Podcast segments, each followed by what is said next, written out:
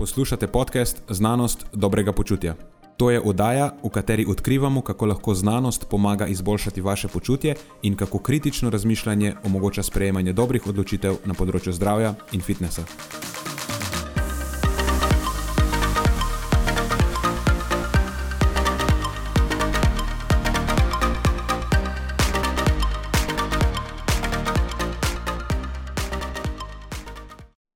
Pozdravljeni, z vami smo Nenad ter moja sovoditelja Marijo in Matjaš. Tokratno epizodo v celoti posvečamo predstavitvi naše nove in družbeno koristne inicijative, neke vrste osebne misije, ki smo jo malo za šalo in malo za res poimenovali Misija Rešimo prehrano. Preden začnemo, pa se moram zahvaliti še našim sponzorjem. Zaenkrat to še vedno ni velika korporacija, temveč zvesti poslušalci, ki nam izkazujete zaupanje in podporo s prijavo v našo člansko skupino Znanost dobrega počutja.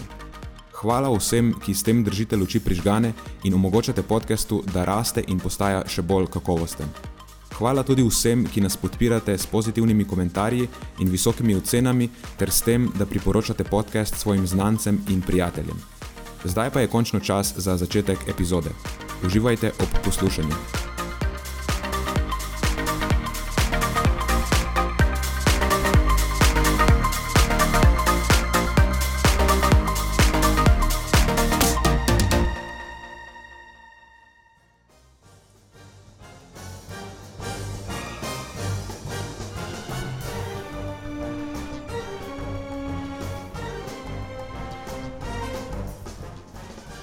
S tem znanim komadom lahko zdaj začnemo posebno epizodo.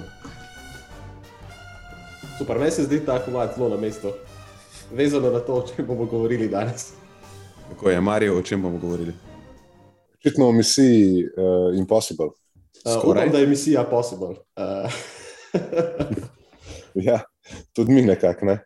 Ja, se filmu se reče Mission Impossible, misija ne mogoče, ampak na koncu mu uspe. To je res, ampak nekako ga vedno opnejo potem nazaj. Če ne, ne bi bilo že deset delov teh serij. Upamo, da ne bo to delo. Jaz tudi upam, da ne. Ja, sem najprej pohvalen Nenadu za izvirnost. Uh, niste slišali še tega, sem ga vprašal, če slučajno, ker imamo to epizodo zjutraj, če na mesto zajtrka uh, pije pre-workout. Ampak moraš zdaj pojasniti, zakaj. Ker prva, moj prvi favorit je bil en drug komad. Ja, čakaj, ne znam, da ga boš spustil ker sem jaz rekel, da bi bil isto, isto tako primeren, ali pa mogoče še, še bolj primeren. Ta mislim, da je malo bolj primeren za en drug segment. To je ta komat, vsem znan najbrž. Jaz sem ga prvi slišal. Kako si lahko prvič slišal ta komat? To je tako naj, najboljši komat na svetu.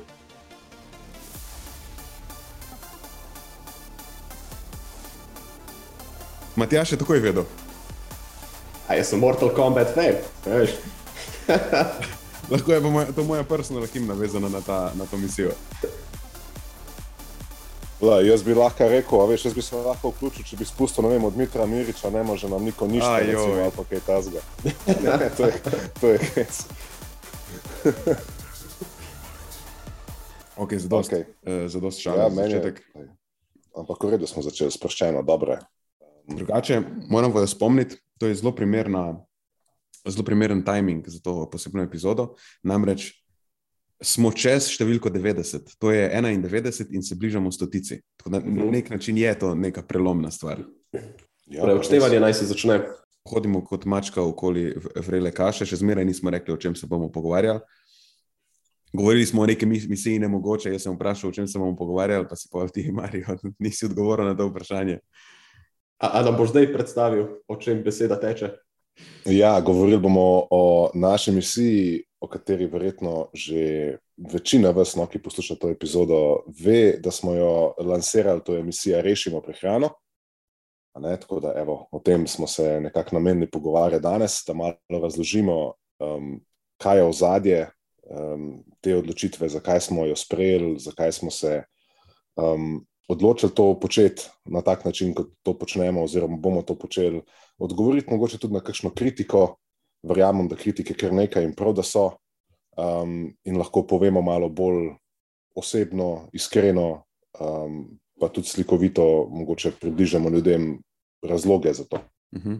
lahko rečeš temu kritike, lahko rečeš temu tudi dodatna vprašanja oziroma pojasnila. Ja. Evo, evo to, to, to, temu bi, temu bi, nam, bi namenili. No. Kukor smo mi začeli tako lahkotno, pa je prav, da smo, ker to mi je vedno pri tebi všeč, da imaš ideje tisoč in sto uh, za, za intro, ampak meni se to zdi ena bolj pomembnih um, stvari, no, ki, ki, ki smo se odločili početi. Um, in osebno sem precej involviran v to že dlje časa, kot se poznava z da Matjažem, veste, da veliko govorim o tem. -huh. um, zgodba je taka, da smo že dolgo časa, se, recimo že vsaj dve leti, ne fanta, se v bistvu kolebamo vse čas, ej, to, da bi mi kaj naslovili, to, da bi mi izpostavili kakšen, uh, uh, alak rečem, bullshit, pač, ki ga uh, določeni izven. Naše industrije, ki pač pomakajo prste v našo industrijo, ker ugotavljajo, da je to lukrativno, da se splača, da je postala prehrana precej popularna, z veliko dosega, eh, ali pa posameznikov znotraj same industrije, ki vidijo tudi spet, da se da zaslužiti v tej industriji bolj preprosto, več denarja, za manj uložka. In smo se res smo bili na tem precepu že večkrat, da bi mi izpostavili, da bomo pač zdaj brisali avtorja, bomo sam naslavljali um, mite skozi um, naše delo. In mnogi, ki pravijo, da se vi raje osredotočate na to, da delate najprej vi dobro, ne pa to z drugimi. Ne, je to meni precej smešen argument, glede na to, da to podjetje obstaja več kot deset let. Jaz delam to 15 let, ne vem, koliko časa smo že mi dva, ne, koliko vsebin je do pripravljenih, stotine člankov, uh, koliko enih objav na Instagramu, na Facebooku, uh, vsebinskih zastojn. Um, dajemo ven toliko informacij, kako le stojim, kako sem visok, pa širok, pa težek um, nobeno podjetje, ki se ukvarja s prehrano, ni dalo toliko kvalitetnih, brezplačnih vsebin ven v svet, kot mi. Glih s tem namenom, da bi mogoče poskušali um, približati um, neko drugo plat, neko, neko bolj, nek bolj strokoven pogled do nekih tem, pa um, to v tem času ni imel več nekega, sploh nekega učinka, se mi zdi. No. Ja, plus ta problem, ki si ga zdaj izpostavil, se mi zdi, da, mislim, da je vsem jasno, da ni nič novega, da se dogaja že leta in leta in leta. Um, imam pa občutek, oziroma se nam dozdeva, da je dosegel nek um, vrh ta trenutek. Mislim, da še nikoli ni bilo toliko enih takih uh, problematičnih in um, potencialno nevarnih objav tam zunaj. Tako da mogoče bil to ena taka prelomna točka tudi za nas, da smo um, dejansko, uh, smo dejansko skočili notri v vodo in uh, plasirali prvo objavo na to temo.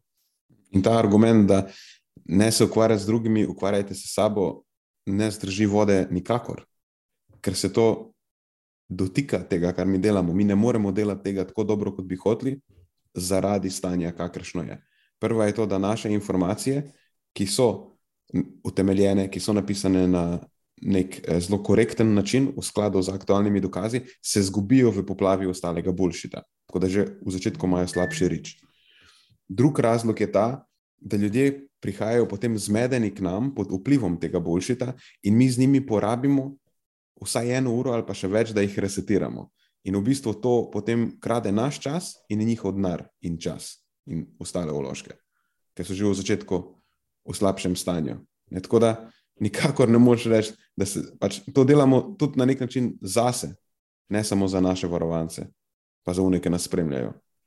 Ne, tako da ja. se, dejansko se ukvarjamo sami s sabo. Pač, treba je popucati pred svojim pragom, malo, mm, če hočeš, ne, da tvoja hiša lepo zgleda.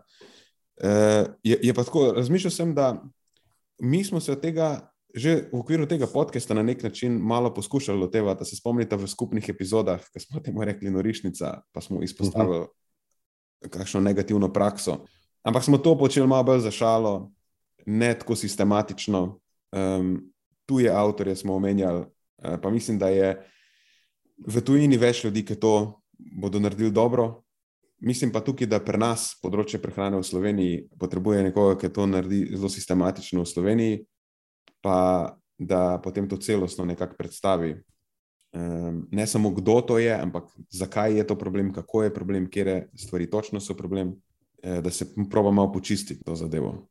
Če mi dovolite, bi jaz samo za tiste, ki poslušajo, dodal malo perspektive. Um, vseeno se mi zdi, da sem uh, v tej industriji dlje kot večina teh, ki je v tej industriji danes. Lahko bi celo rekel, da skoraj od samega začetka. Um, in opažam precejšnje razlike skozi čas. To je neki, recimo, če posluša to nek mlajši posameznik, nekdo, ki je star 25 let, mogoče tež, težje razume, zakaj smo se to odločili na tak način početi. Zato se mi zdi precej pomembno, da se razume recimo, pot, skozi katero prehranska industrija gre v recimo, zadnjih desetih letih. Dej samo na začetku povej še, kaj točno, nismo še zmeraj rekli, kaj točno bomo počeli. Misija Rešimo prehrano smo poimenovali to. Ja, napisali smo nek naš uh, zapis, ne, uvodni zapis, ki pojasnjuje večino razlogov, uh, zakaj je pač sodo zdaj izbilo dno, oziroma zakaj se bomo lotili izpostavljati um, neposredno uh, lažnive, zavajajoče, škodljive uh, objave uh, o prehrani uh, avtorjev in podjetij, ki to počnejo. Ne zato, ker bi imeli mi osebno neki proti komorkoli od njih, ampak zato, ker se ukvarjamo, kot eni redkih, s posledicami takšnega početja. Kot je njena dobra nakazu, k nam prihajajo ljudje, ki so potem pod vplivom teh informacij, ki jih je vedno več, ker so vedno močnejše, vedno glasnejše, vedno bolj plačane. In um, to je misija Rešimo prehrano. Želimo skozi malo bolj agresiven, bi lahko rekel, način um, izpostavljanja škodljivih vsebin ljudem uh, neposredno pokazati, da to je problem. Ker, če govoriš okoli problema, sem opazil že večkrat, da ljudje ne naredijo povezave. Ne, ne naredijo povezave, na kaj točno misliš. Oni, recimo, na eni strani obstaja, da dam konkreten primer, vem, gluten je škodljiv, nekaj ga jesti.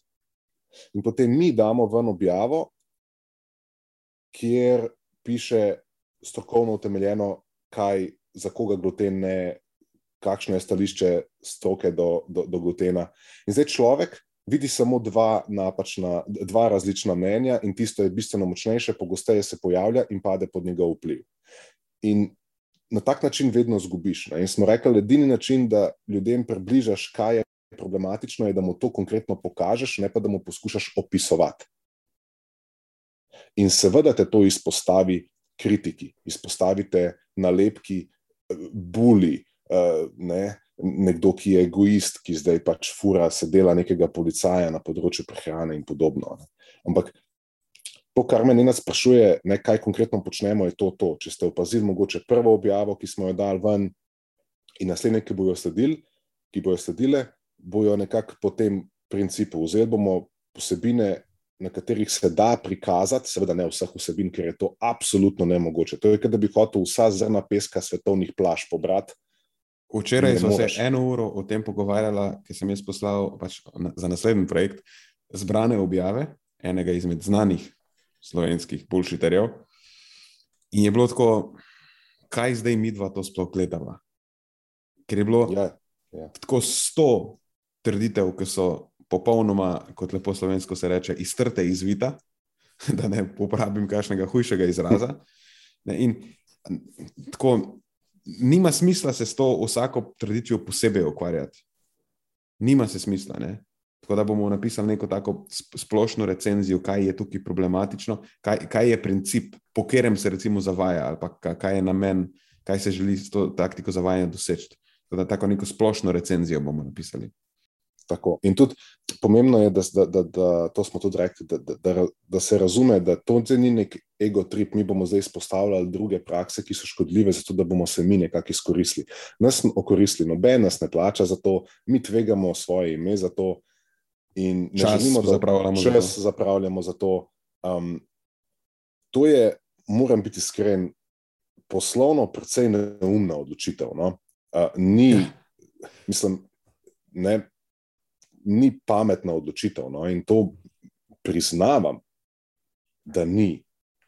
Ampak kljub temu mislim, da je potrebna odločitev. Uh, In želim, da ta odločitev pokaže tudi drugim, ki delijo naša stališča, do te problematike, da, da se da no, na tak način sprožiti nek val, ki lahko v perspektivi postaje vedno večji, udarnejši in vodi v neko, recimo, mogoče tudi združenje, neko gibanje, ki lahko vsaj poskusi um, zaustaviti um, tako početje, ki ima rušilne učinke na našo industrijo. Ja, delno so se tudi o tem včeraj pogovarjali. Ne, da pač mi trije smo, sem prvi skočil v vodo, ker nekdo je mogel.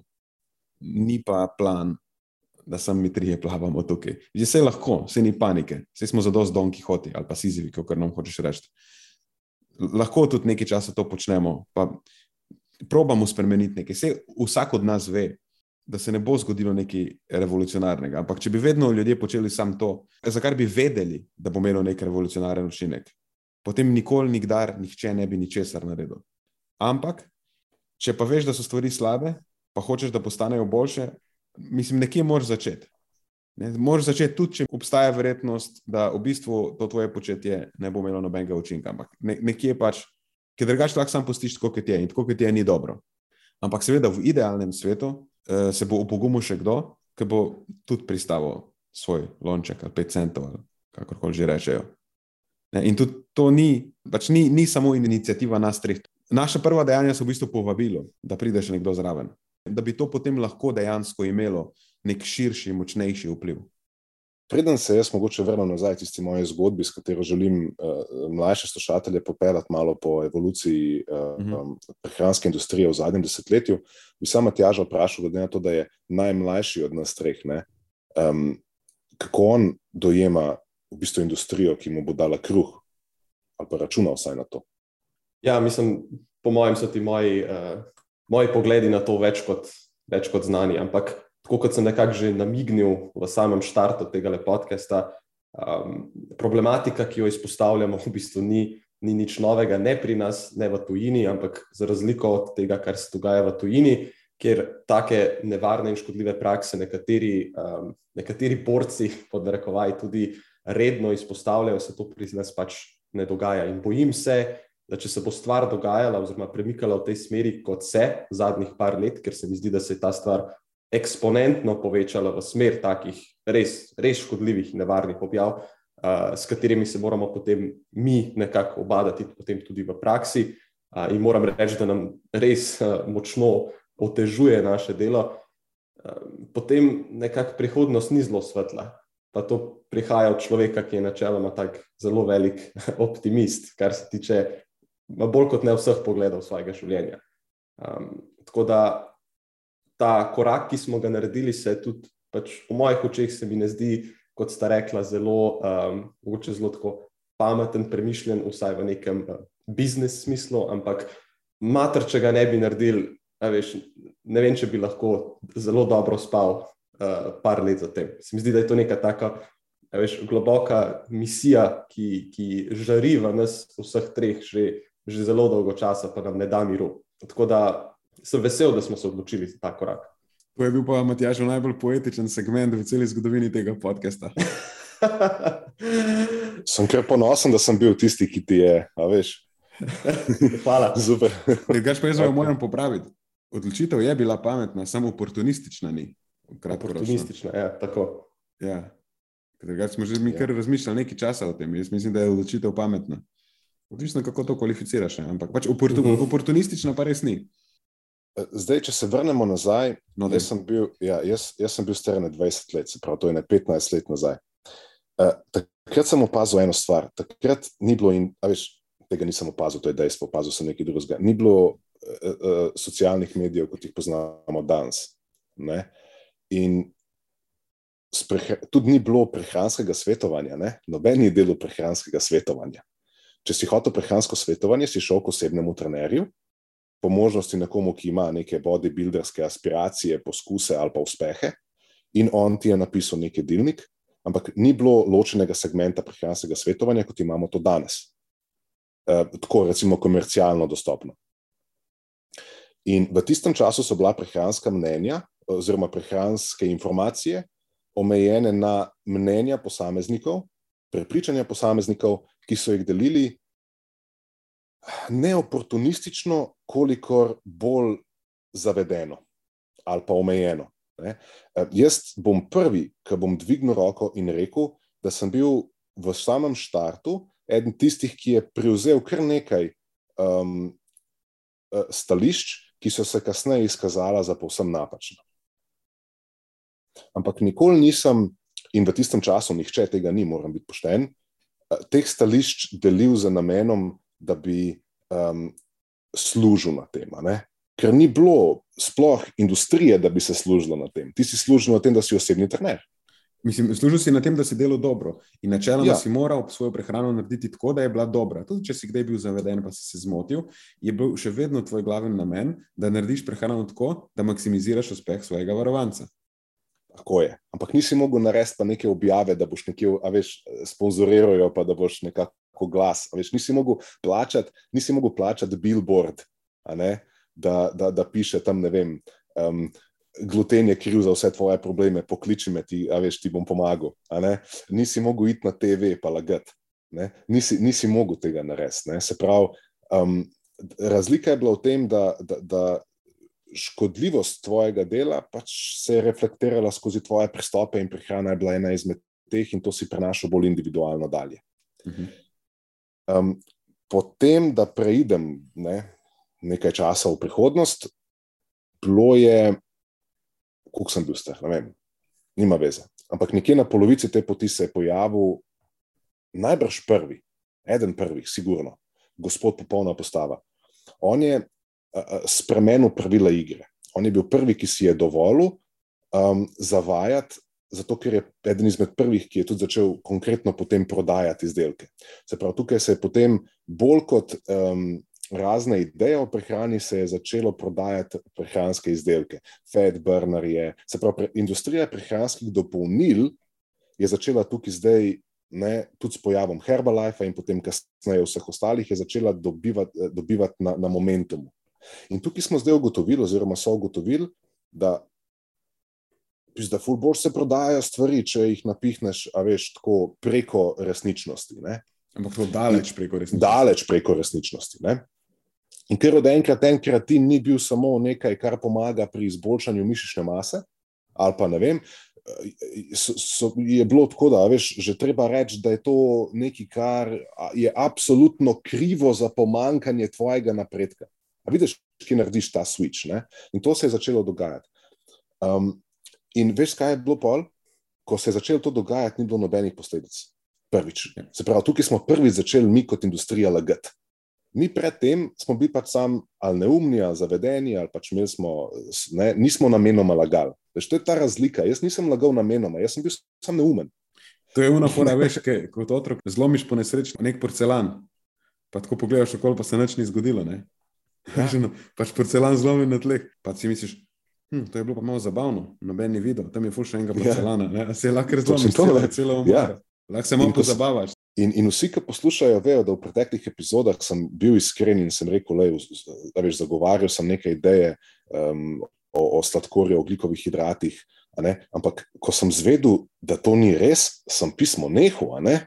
Ker če bi še nadaljeval, potem bi bil tam nekje zraven Gašporja Groma, ki bi ja, več prodajal izdelke za to, ne, v podporo tej agendi. Ampak sem videl, da to ni res, pa sem pismo nehal. Ampak tukaj so videli, da, okay, kot se ti dobro uporablja prispodobo, ne, ugotovim, da lažem, da razbijem, ampak se splača, ne? noben me ne, noben, no, noben ne odgovarjam, ne? noben mu ne odgovarjam, uh, noben me ne, ne, kako se že reče, reprimend, v bistvu noben me ne kaznuje za to. Um, jaz pa sam, sam, sam pozitivno, veš, sam dobim več denarja, ker več prodam. In tukaj je Pandorina skrinjica, se je takrat odprla. In odprla se je najprej na prehranskih dopolnilih. In potem je od tam se razlezla na diete, na razne eh, pristope, kjer smo končali danes. In takrat je bil popolna postava, in takrat smo vedeli, da je to Herbalife, vedeli smo, da je popolna postava, vedeli smo, da, da je to omejeno. Noben tega ni za res jemu resno. Doseg tega je bil takrat, eh, ni neke drame. Ne? Bila so še prehranska dopolnila, ni bila prehrana dejansko. Ja, točno to sem hotel predstaviti. Hvala, da si ne, tako ključne točke izpostavljaš. Ni bila še prehrana. In, in tudi omejeno je bilo. In potem smo prešli na področje prehrane. V zadnjih, kot sem napisal v tisti objavi, petih letih, recimo, se mi zdi, da se je to začelo dogajati, ta, ta, ta prehod iz prehranskih dopolnil na prehrano. Um, tam je ne pet let nazaj, um, lahko da celo malo več, malo manj, pardon. In takrat smo se tudi mi začeli že pogovarjati, malo se spogledati, kaj pa se to dogaja. Kaj pa ta govori, kaj pa ta objavlja, zakaj pa ta laže. Tako šokirano se je na nek način. Ne? Šokirano se je na nek način, da se je to začelo dogajati. Ampak še vedno je bilo, ok, demo se mi nikoli nismo izpostavljali ne, na tak način. Vedno smo govorili, da bomo mi fokus na naše delo. Jaz sem vedno govoril, be so good, they can ignore you. Be so good, they can ignore you. Se spomnite, skozi sem. Uh mhm. -huh dajmo mi biti pač tako dobri, da, da, da se nas ne da ignorirati. Ampak veš kaj, mi smo postali eni najboljših, pa še vedno ni dost. In kaj se je zgodilo v teh zadnjih letih, je, da ta en izoliran primer, dva primera, tri primeri so postali na, na desetine, na stotine primerov. In v tem je postalo vedno. Je, je, je, Vedno več denarja je začelo poganjati te sponzorirane objave, tukaj so se začeli obračati uh, milijoni evrov. In zdaj, če pazi mi, pa naši kolegi, vem, na katere, na katere smo ponosni, da pač delajo dobro, produciramo pet informacij koristnih, ki imajo za pet centimetrov dosega, potem pa pride uh, neko to vrstno podjetje, ki vrže 10.000, 15.000 v marketing, sproducira to laž, ki ima 50 metrov dosega. Ali pa influencerka. Ali pa uh mhm. -huh. influencerka, ja. Ali pa, Mislim, prosti, ali, ali, pa, ali pa influencer, da bomo uh, eh, neutralni, čeprav eh, vsi vemo, da je influencer več kot influencerjev. Ja, no. Ampak zato, da pač eh, dobi svojih, ne vem, par procentov, on, ona, ona oziroma on sproducira laž, ki jo zdaj doseže 20 tisoč ljudi. Našo objavo pa vidi, ne vem, 500. Veš, kar od enkrat si pre, veš, premagan, si, da bi šepetal med tem, ko se drugi derajo. Ni več even playing field, ni, ni, to ni več, eh, eh, ni več enako vredno. Ustvarja se polotis, kot da sta obe dve informaciji enako, oziroma kot da sta dve približno enako korektni mnenji. Ne? To je tisti bias, o katerem smo v eni prejšnjih epizodah govorili. Tako, tako. Ampak ni. In zdaj, je, kaj, kaj se je zgodilo? Zdaj, tukaj bi, bi mogoče um, bilo fino izpostaviti tudi razloge, tudi sam si že malo govoril o razlogih. Ljudje so začeli prihajati k nam, ker smo videli, da so resno, resno, resno, ni to zdaj prava beseda, poškodovani ali pa vsaj um, ne pod hudim negativnim. Je prava beseda. Prišli so uničeni od nekih prejšnjih eh, čudnih pristopov, ki so jih prakticirali, oziroma na kere so bili napeljani. In jaz sem prej še malo tako umilil, ko sem rekel, da rabiš sestanek ali pa dva. Ne, včasih rabiš mesec dni dela z nekom, da ga sestaviš skupaj. Pa, pardon, kaj te prekinjam, ampak mislim, da je poškodovan res na mestu. Se imaš dejansko nekatere objektivne markerje njihovega zdravstvenega stanja, ki so takšna, kakršna so, zaradi tistih čudnih pristopov. Tako da čisto ja. na mestu. Pa se o tem govorim, a veš, pride tako 20-letni fant k nam z ravnmi testosterona nič, ki ga je potrebno sestaviti nazaj. Ja, pa to ni bilo pretiravanje, dobesedno nič. Dobesedno, mislim, da so dobesedni primeri. Zakaj je tako? Zato, ker mu je nekdo prodajal slabe ideje, da se mora izogibati vsega sladkorja, da, ne, kljub temu, da trenira milijon ur na, na dan, tako. da ne sme jesti predelanih ugljikovih hidratov, da se mora izogibati tega, pa unga, ne, pa da noben mu ni rekel, recimo, da je treba porabljeno energijo na račun treningov potem nazaj nadomestiti, pa da se mora nahraniti dobro, pa da mora paziti na to, kaj je v smislu regeneracije itd. itd. In bili smo, vse čas smo bili tiho. Rekli smo, ok, dajmo mi narediti vsebino, kjer se bomo s temi informacijami ukvarjali. Dajmo napisati o tem, zakaj sladkor ni problem. Dajmo napisati o tem uh, nujno problem, da ne bom rekel, da ni problem, absolutno. In, in bolj, ker produciramo vsebine, pač ne, nikam več ljudi prihaja, In to je prišlo v zadnjem času do točke, da mi skoraj ne dobimo več ene neomadeževane stranke. Uh, jaz sem uh, glih, sam ne vem, zakaj bom to zdaj povedal. Včeraj je prišla ena punca k meni, ki je bila, um, ni želela uh, shujšati, nič poseben, da ni bilo. Pač, hotla se je sama malo prehrano zrihtati in je šla do enega modela, da je prodal low carb ketonsko dieto ženski. Ne? v tem procesu ne samo, da ni uspela shujšati, zrodila se je in dobila je poleg tega še cel kup kompleksov pri prehrani, zaradi katerih so ugljikovi hidrati zdaj uh, no-go v, v njeni dieti, zakaj je cukrful problem, zakaj cel kupenih, a veš, novih uh, uh, strahov je dobila v prehrani, ki jih prej tam ni bilo. Potem, ko je videla, da to ne funkcionira, je šla k eni, z, verjetno najbolj znani influencerki, uh, uh, pri nas vsaj taki, ki pač se verjetno ne morem več kot to povedati.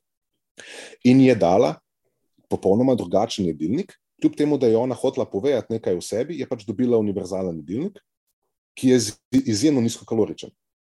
In ta punca potem je dobila poleg tega še cel kup drugih strahov pri prehrani, povrh onih odprej, zaradi česar je ne, ne samo, da ni uspela urediti prehrane, kar je bil njen namen, zredila se je na koncu za 15 kg in ko sem se pogovarjal z njo, bi rekel, da ima že tako, da se približuje nekim, nekim motnjam ne, prehranjevanja.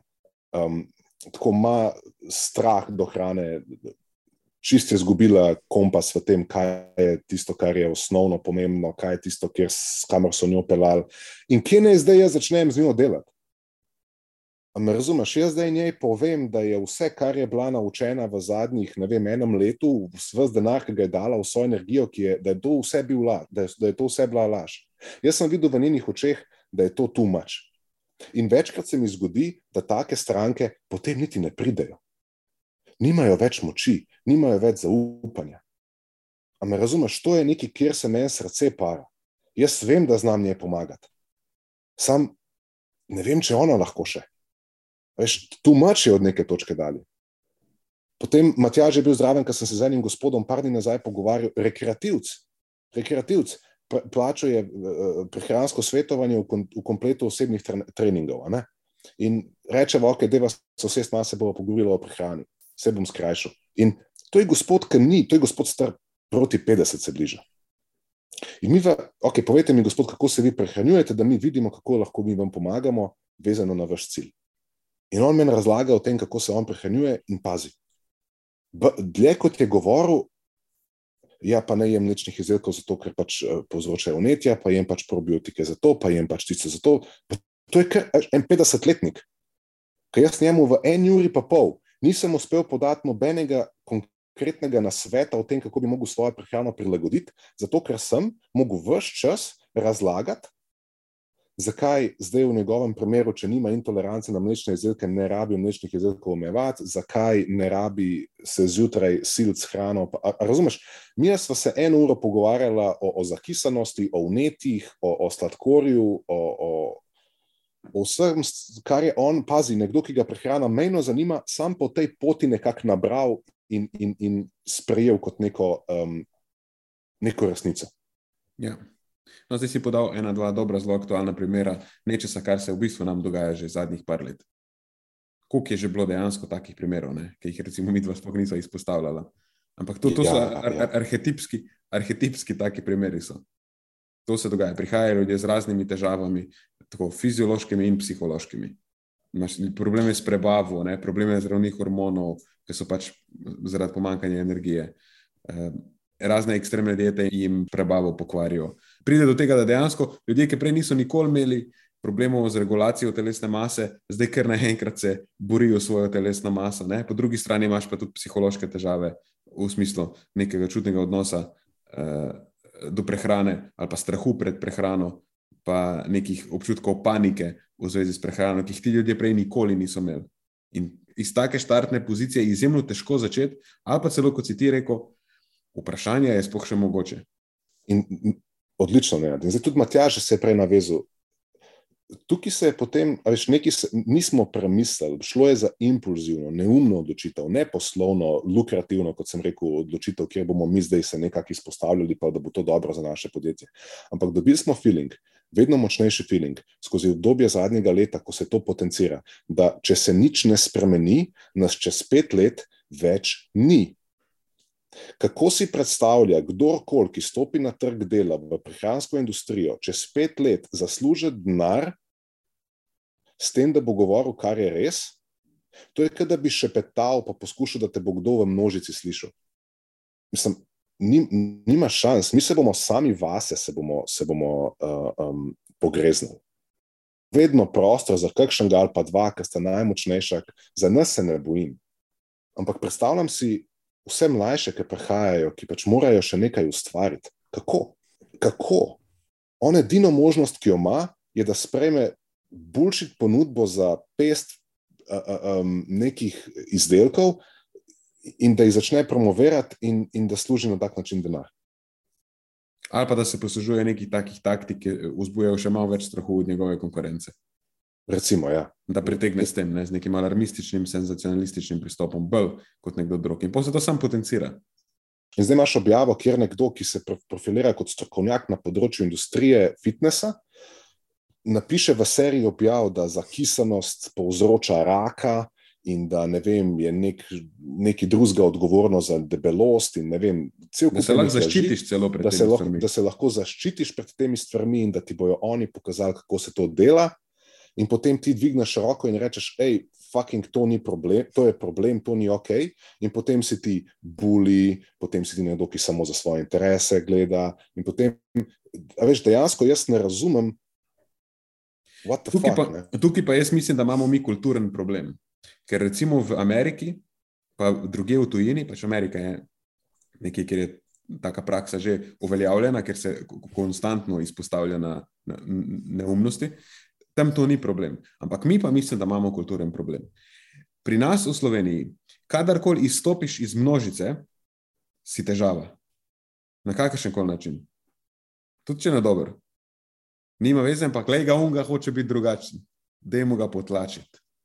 A pa hoče biti neki pameten zdaj. A pa hoče biti, če to je pa še huje. Lej ga unga, ki je boljši od nas. Hitro nam ga stopiti. Ne, pa se dela, dejansko, ja, tudi če dejansko njim fucking rešuješ problem. Ne nam rešiti problema, če to pomeni, da boš drugačen od nas. Mi vsi hočemo, da imamo vsi iste probleme in da smo vsi v buli. Vsi zato pa smo. In pol en stopi ven, pa hoče stvari narediti boljše, da ga hitro potlači. Mislim, da je to naš kulturni problem. Ja, Ja, to bi lahko razširil na neko družbeno stanje. En citat je, ki je meni zelo blizu, pa ga zdaj na tej točki absolutno ga moramo turiti. In pravi tako, v angleščini je v osnovi. The less you need the approval of others, the easier it is to do what is right over what is easy. To je Shane Parrish iz The Knowledge Project, oziroma Farnham Street.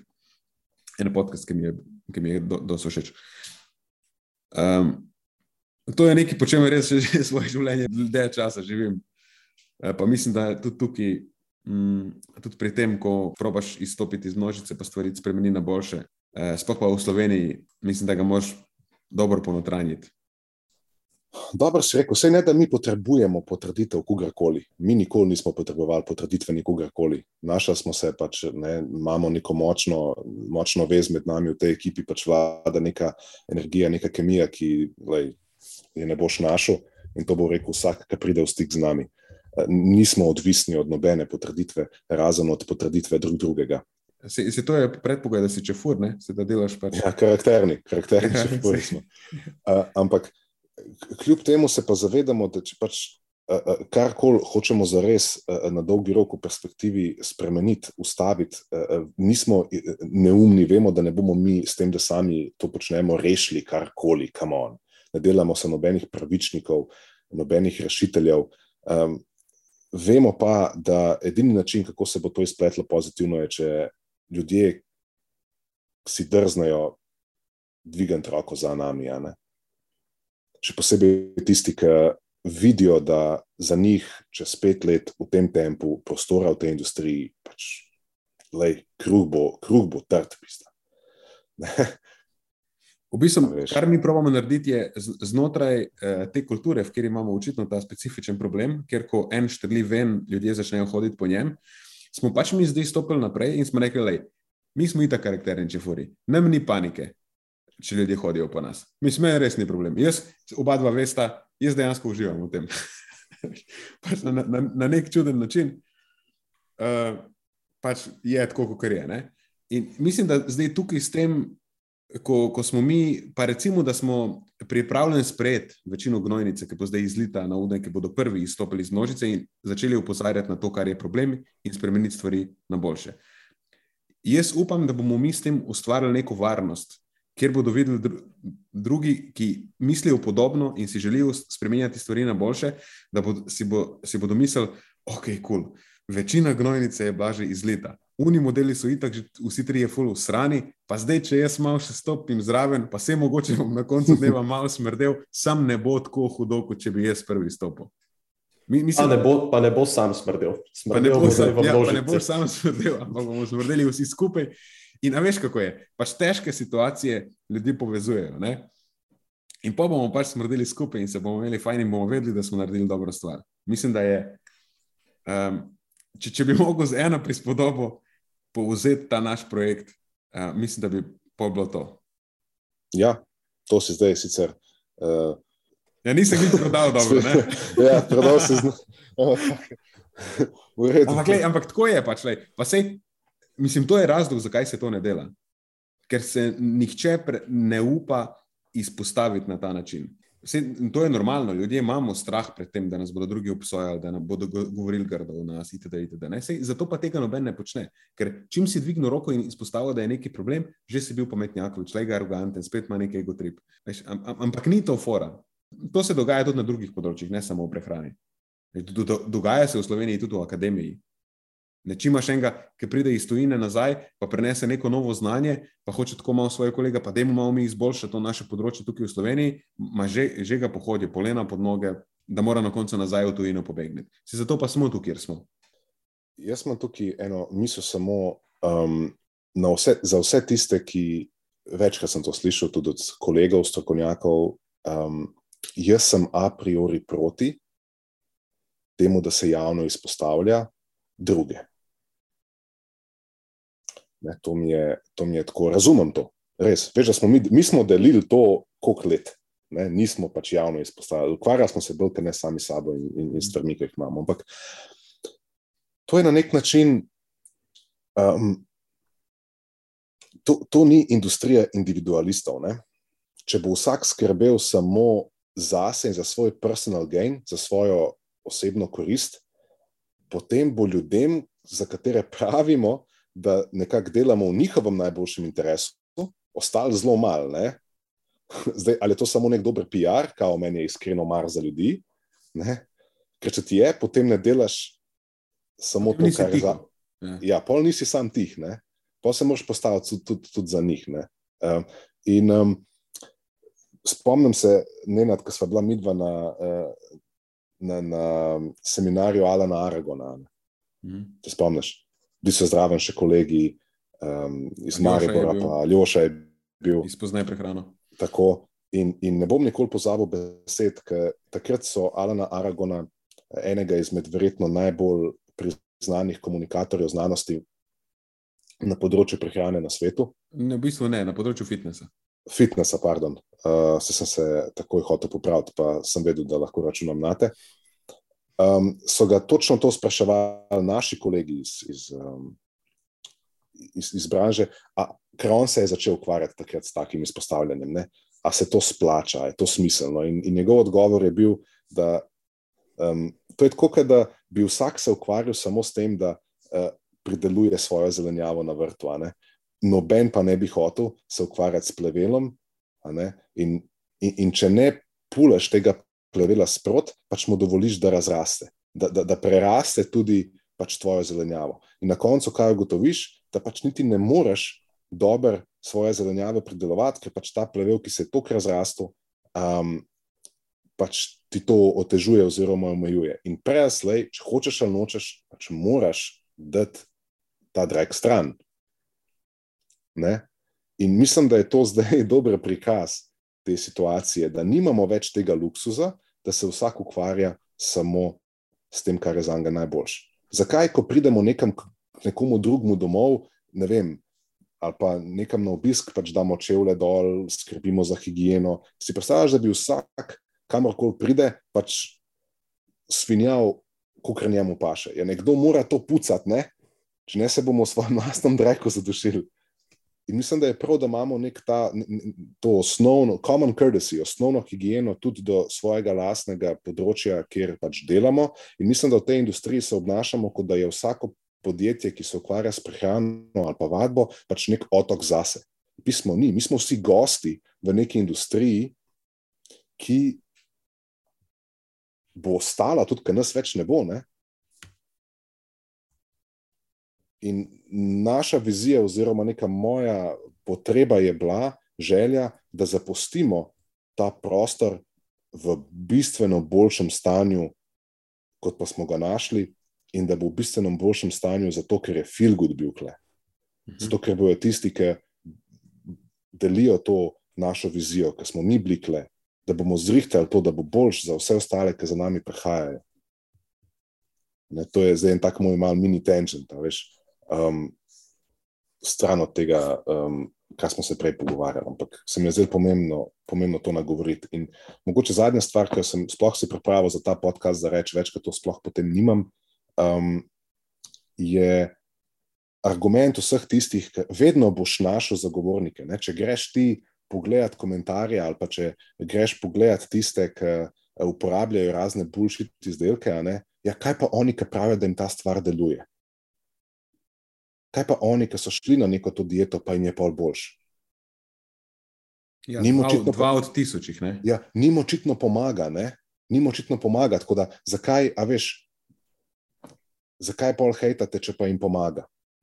Až to je nekaj, s čimer hočeš, nočeš, se boš soočil. Če greš pogledat najbolj boljšit izdelek, ki veš, da je placebo, da sploh nima učinkovine noter, da bi kakorkoli pomagala, nekomu lahko pomaga, če se predispozira v to smer. In o tem smo se pogovarjali zadnjič, enkrat, ne, o tej moči placebo, oziroma moči celo noseba, um, kakšen vpliv lahko ima, če jaz investiram denar v neko idejo, če jaz skupam nekaj, dam za to zadnje evre, ki jih imam, in, in, in se prepričam na nek način, da mi bo ta stvar pomagala, in seveda se potem fokusiram, da bom vse izboljšave absolutno pripisal samo temu dejavniku, in seveda ne ničemu drugemu. Ne? Se pravi, imaš neko pristranskost do tega, da bi potrdil svojo odločitev, in ne sam sebi pokazal, da si kreten, ki je nasedel. Ne? In to je potem vidim, da težava, ki jo ljudje imajo. Doskrat, um, in tudi ljudje to izkoriščajo, ki to prodajajo, ker vejo, da ok, desetim bom to prodal, dva si bosta namislila, da bo to boljš, ne? peti bo to fuknil na stran, ampak oni bo itak ostal tih.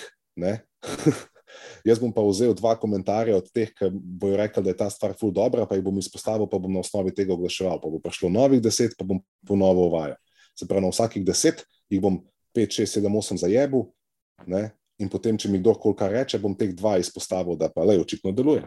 Ja, sej, a veš, unike jim deluje, so vedno najbolj glasni, ker so tudi ponosni na to, da jim deluje. Tistim, ki zadeva ne deluje, ali pa bog ne dej, da celo imajo zelo negativno izkušnjo, večinoma ostajajo v tih.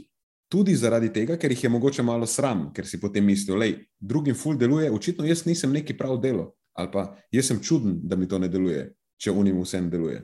In potem se pač vedno izpostavljajo samo nekim zadeva deluje. In se tako ustvarja lažen vtis, da zadeva je koristna. Ampak če bi pogledal uno pod, veš, pod gladino in bi preštel vse une, ki so bili zajebani, pa ki jim zadeva ni delovala, pa ki so zmetali stran ne vem koliko denarja za, za te stvari, potem se ta kalkulacija nikakor ne izide. Ker imaš kup enih, ki so imeli slabo izkušnjo, pa niso nič povedali, pomaž pa una dva, ki tako sta pripravljena eh, na, na veliko in glasno razlagati o tem, kako super izkušnjo sta imela. In valjda potem se izpostavlja samo to. Se kup primerov pa vemo, da je takih, da imaš enega tam trenerja z enim mejnim eh, pristopom, pa skozi objavlja samo, pa se, zdaj če smo že v tem, pa se lahko povem, Gašper Grom, low carb coach, vsak dan ti bo objavil eno pozitivno zgodbo, ne? Ampak noben pa ne bo objavil unih strank njegovih, ki pridejo k nam, pol, ki veš, koliko jih je že bilo. Stav, o kateri sem govoril prej, je pač bila od njega. Ne? Ja, recimo, se jih je bilo več, niti približno ni bila samo ena. Nekaj časa se spomniš v preteklosti, ki je bil še on bolj popularen, ker so mm. se mhm. mi tako prav šalila. Mislim, šala. niso se šalili, ampak je bilo tako. Uh, neka taka tragikomedija je bila, ki so rekli, ok, mislim, ta mesec so bila dobesedno servis za bivše stranke Gašperja Groma. Uh mhm. -huh. In vse so bile tako, a veš, tako so bile po, po, po, po, ponižene, da najraje bi, da to noben ne ve, in še nama je, je bilo težko povedati. Ne? A veš, tako, ja. nimajo se potem neke želje izpostavljati, ko vidijo, da so, da so tako. Ta punca, recimo, ki je rekla, je, da je dobila, ena, on, ona pa njen fant, sta dobila oba enake delnike. Ja, se jajca pa maslo, ne? kaj pa če. Oba enake delnike. In potem je rekla. A se ti spomniš to? Vse so prihajale z istim jedilnikom. Ja, isti. Ampak to, kar sem hotel povedati, je ona, ko je videla, da njene funkcionira enako kot njenemu fantu. Ne? Pazi, kaj je bila njena reakcija. Pač, jaz ne vem, kaj je narobe z mano, jaz ne vem, kaj je narobe počnem, jaz pač nekaj očitno ne. ne. Veš, kaj je z mano, je nekaj narobe. Veš, ne more biti narobe s pristopom, ker le oni oglašujejo, da pristop očitno ful funkcionira. Ne? Se pravi, ljudje najprej pomislijo, da ne da, ne da izdelek ne funkcionira, izdelek očitno funkcionira, nekaj je z mano narobe. Ja, dejansko. Tudi ko gre vse ful narobe, še zmeraj mislijo, da so one krive. A se spomniš uh, tiste varovanke, ki je imela tako tri mesece, je imela drisko. Uh -huh. In je mislila, Eksplozivno. Tako, eksplozivno drisko, ampak je sem mislila, da nekaj ne dela za dosto dobro in je še kar ustrajala. Ne? Dokler na koncu pač res ni, ni bilo že tako konc in zdaj pa več ne morem. Še več je tukaj v tej zgodbi, uh, večkrat je pisala. Ne? Ja. Uh, maile, uh, jaz imam eksplozivno drisko, to res nekaj ni v redu. In kar je dobila nazaj, je pač pojači malo masla, pojači malo več maščob, ne, da se pač mora, ja, mora, mora se adaptirati. Se, mora se sistem adaptirati. In to je trajalo pol leta, ne, in tako daleč je šlo, da potem ni mogla niti pojesti več nobene normalne prehrane, ker je bil njen prebavni sistem tako fucked up da še če je pojedla samo griz neke zelenjave, je imela feeling, da se spomniš. Ja, tako en, en po en kosmič, en po en kosmič, en po en kosmič, ja.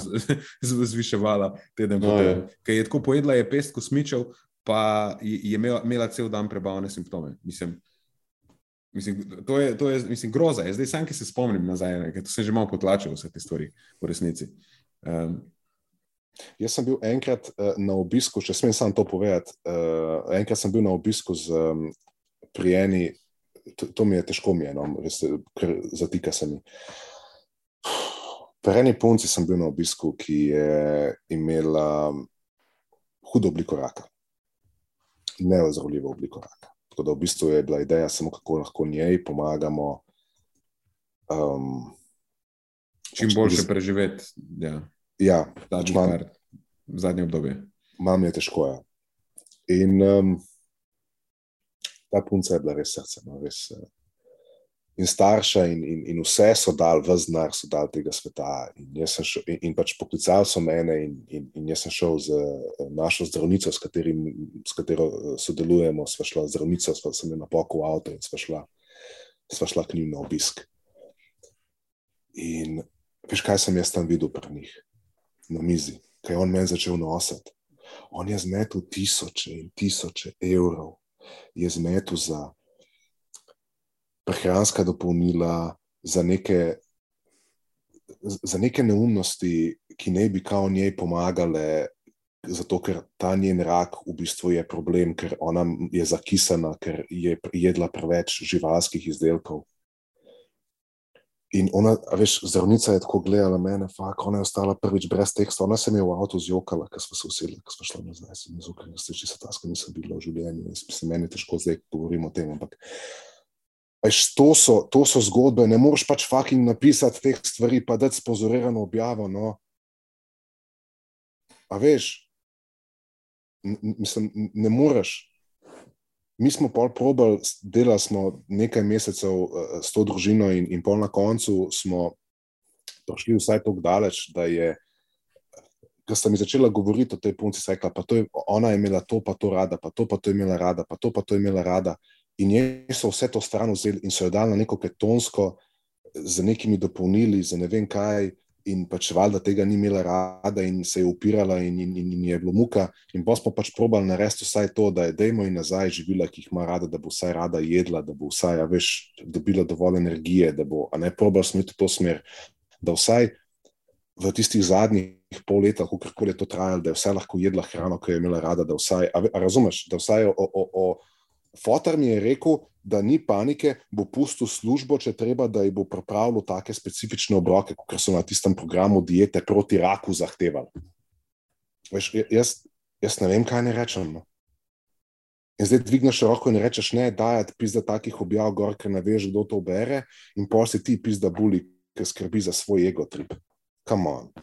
Veš, to, mislim, te punce danes ni več. Ne. Jaz ne vem, kaj je z njo, s tem njeno družino, mislim, kaj se dogaja, ampak to, to je bila ena izmed najbolj traumatičnih izkušenj v moje karieri, ko si v bistvu soočen s tem, kakšne so posledice tvojih dejanj.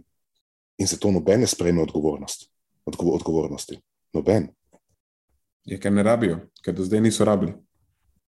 In pač to je ena zgodba, jaz verjamem, da jih je, veš, verjamem, da jih je več. Sej, lahko bi en podcast posnel samo o vseh teh primerih, ki smo govorili o njih. Matjaž lahko sam naredi podcast o tem z mladimi športniki.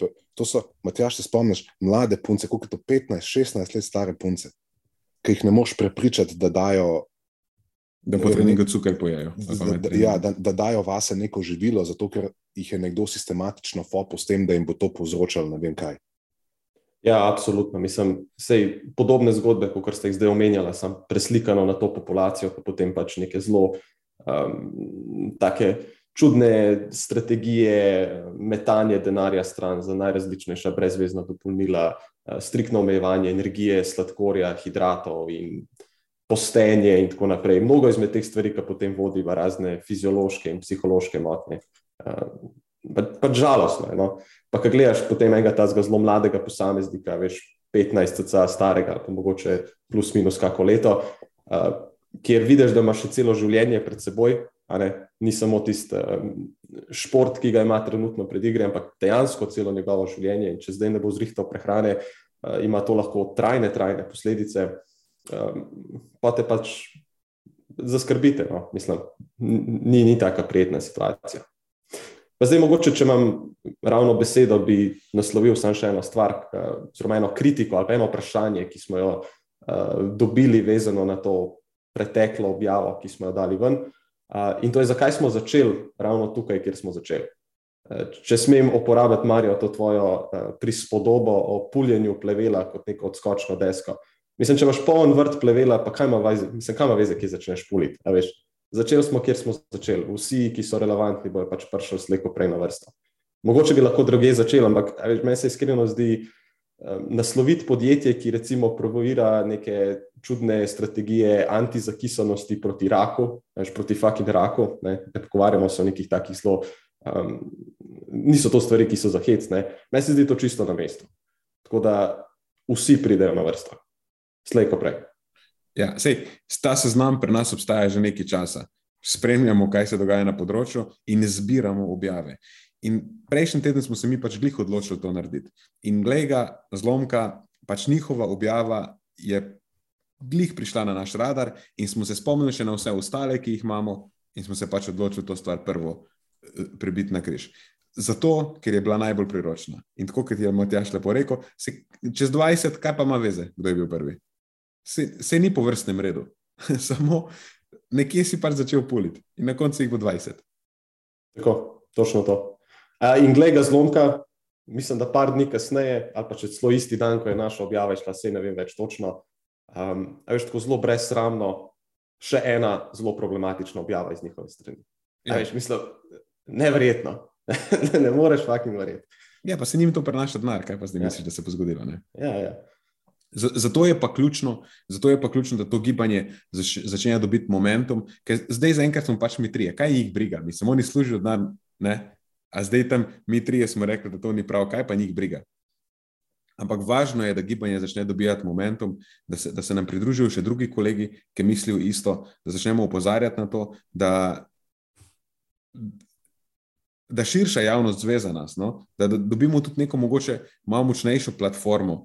Uh, prek kjer lahko to komuniciramo, tudi na ta način, da bo to potem res imelo neko težo, da bodo neke konkretne posledice zaradi tega. Da, se, jaz mislim, da bi kdo od vas še kaj dodal, lahko počasi zaključimo. Mislim, da smo vse, kar je važno, mislim, da ne rabimo več ničesar dodajati. Ne, mislim, da smo, da smo vse obdelali. Jaz sem, jaz sem se malo mene je malo presenetilo. Jaz sem se mal, uh, na tisti točki, sem se mal, uh, mal me prizadel. Ja. Ja. Veš, ko se spomniš vsega tega, vse je to vrsto let, vse je to tokenih zgodb, vse je to tokenih veš, konkretnih ljudi, ki, veš, ki jim zdi zaradi takih stvari. Pač, veš, Ja. kakšne so posledice. Zato, ker veš, kakšne so. Če, bi, če, če veš, to je lahko delati, dokler ne veš, kakšne so posledice. In zelo lahko je nas obtoževati, če ne veš, kakšne so posledice. Ko enkrat veš, kakšne so posledice, se vse spremeni. Ali pa Ja. nisi človek. Ja, mislim, sej, mislim da ja. dejansko po obujanju vseh teh spominov imam, imam tudi jaz tak eh, grenak priokus. Eh, pa čeprav sem mogoče malo bolj avtističen, pa odporen na te stvari. Če ne rekel za njega, da se ga pač te, te stvari ne dotaknejo, no, to je moč naše ekipe. Kada nas je nekdo, nekdo, ki ve, kaj dela, uh, skrb sestavo.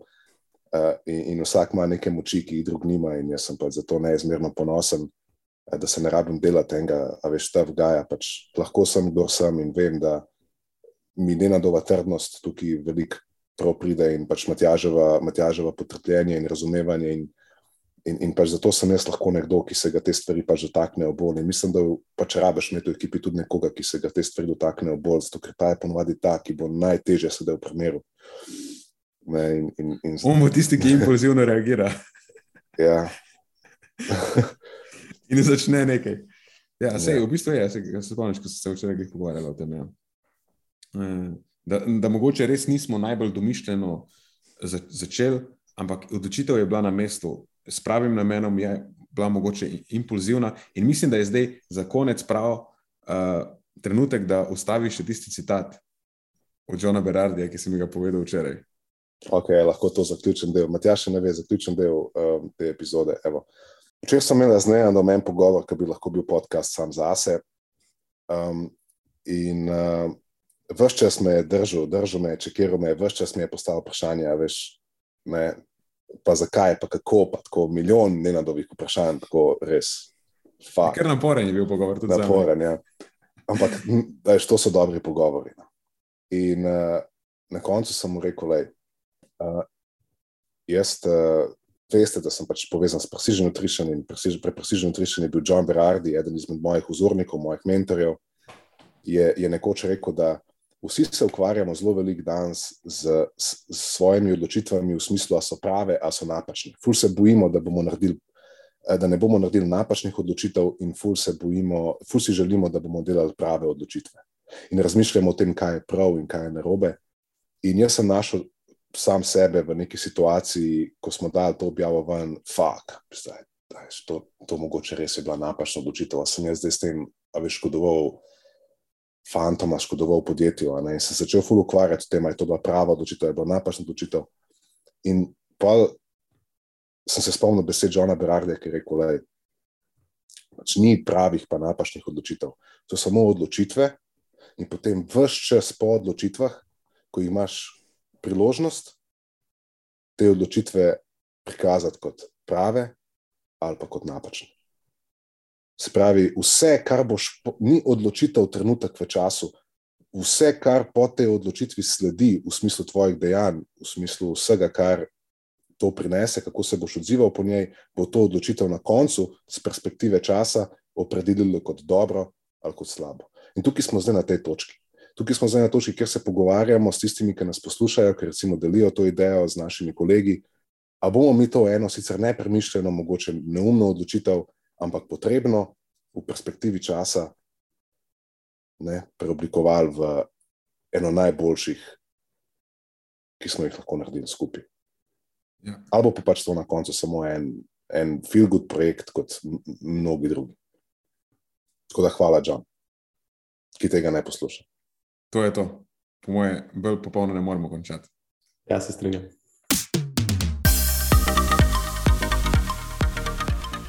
To je za tokrat vse iz naše strani.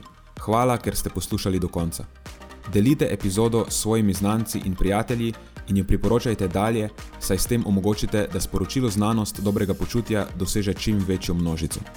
Hvala vsem, ki nas podpirate s članarino in tudi vsem ostalim, ki delite podcast dalje in nam izkazujete naklonjenost z visokimi ocenami in pozitivnimi komentarji. Se slišimo prihodnjič, do takrat pa ostanite premišljeni.